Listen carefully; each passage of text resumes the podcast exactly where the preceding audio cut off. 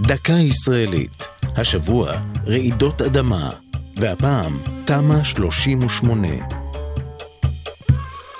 במדינה בה מתרחשות תדיר רעידות אדמה הרסניות, נדרש לבנות בהתאם לתקן בנייה שיבטיח את עמידות המבנים.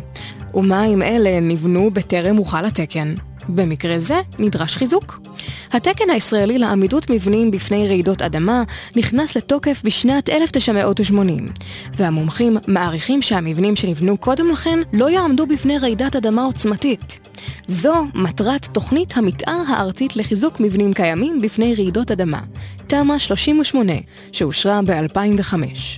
במסגרת תמ"א 38 החליטה המדינה לתמרץ בעלי בתים לחזק את הדירה שברשותם, בין השאר על ידי כך שהיא מאפשרת להם, במסגרת החיזוק, להגדיל את בתיהם וגם ליהנות מהנחות במיסים, אבל תוכנית לחוד ומציאות לחוד. בשנים הראשונות מאז אושרה התוכנית, שופצו במסגרתה מבנים מעטים. אחרי שתוגברו התמריצים הכלכליים והתקצר הליך קבלת האישורים, הפכה התוכנית מבוקשת יותר בערים הגדולות, אולם ביישובי הפריפריה, הצלחתה חלקית בלבד. אמנם לאחרונה הוארך תוקף התוכנית בשנה, אך סופה של תמ"א 38 נראה באופק. זו הייתה דקה ישראלית על רעידות אדמה ותמ"א 38. כתב יותם פוגל, ייעוץ הדוקטור עורך הדין קייס נאסר, ייעוץ לשוני הדוקטור אבשלום קור.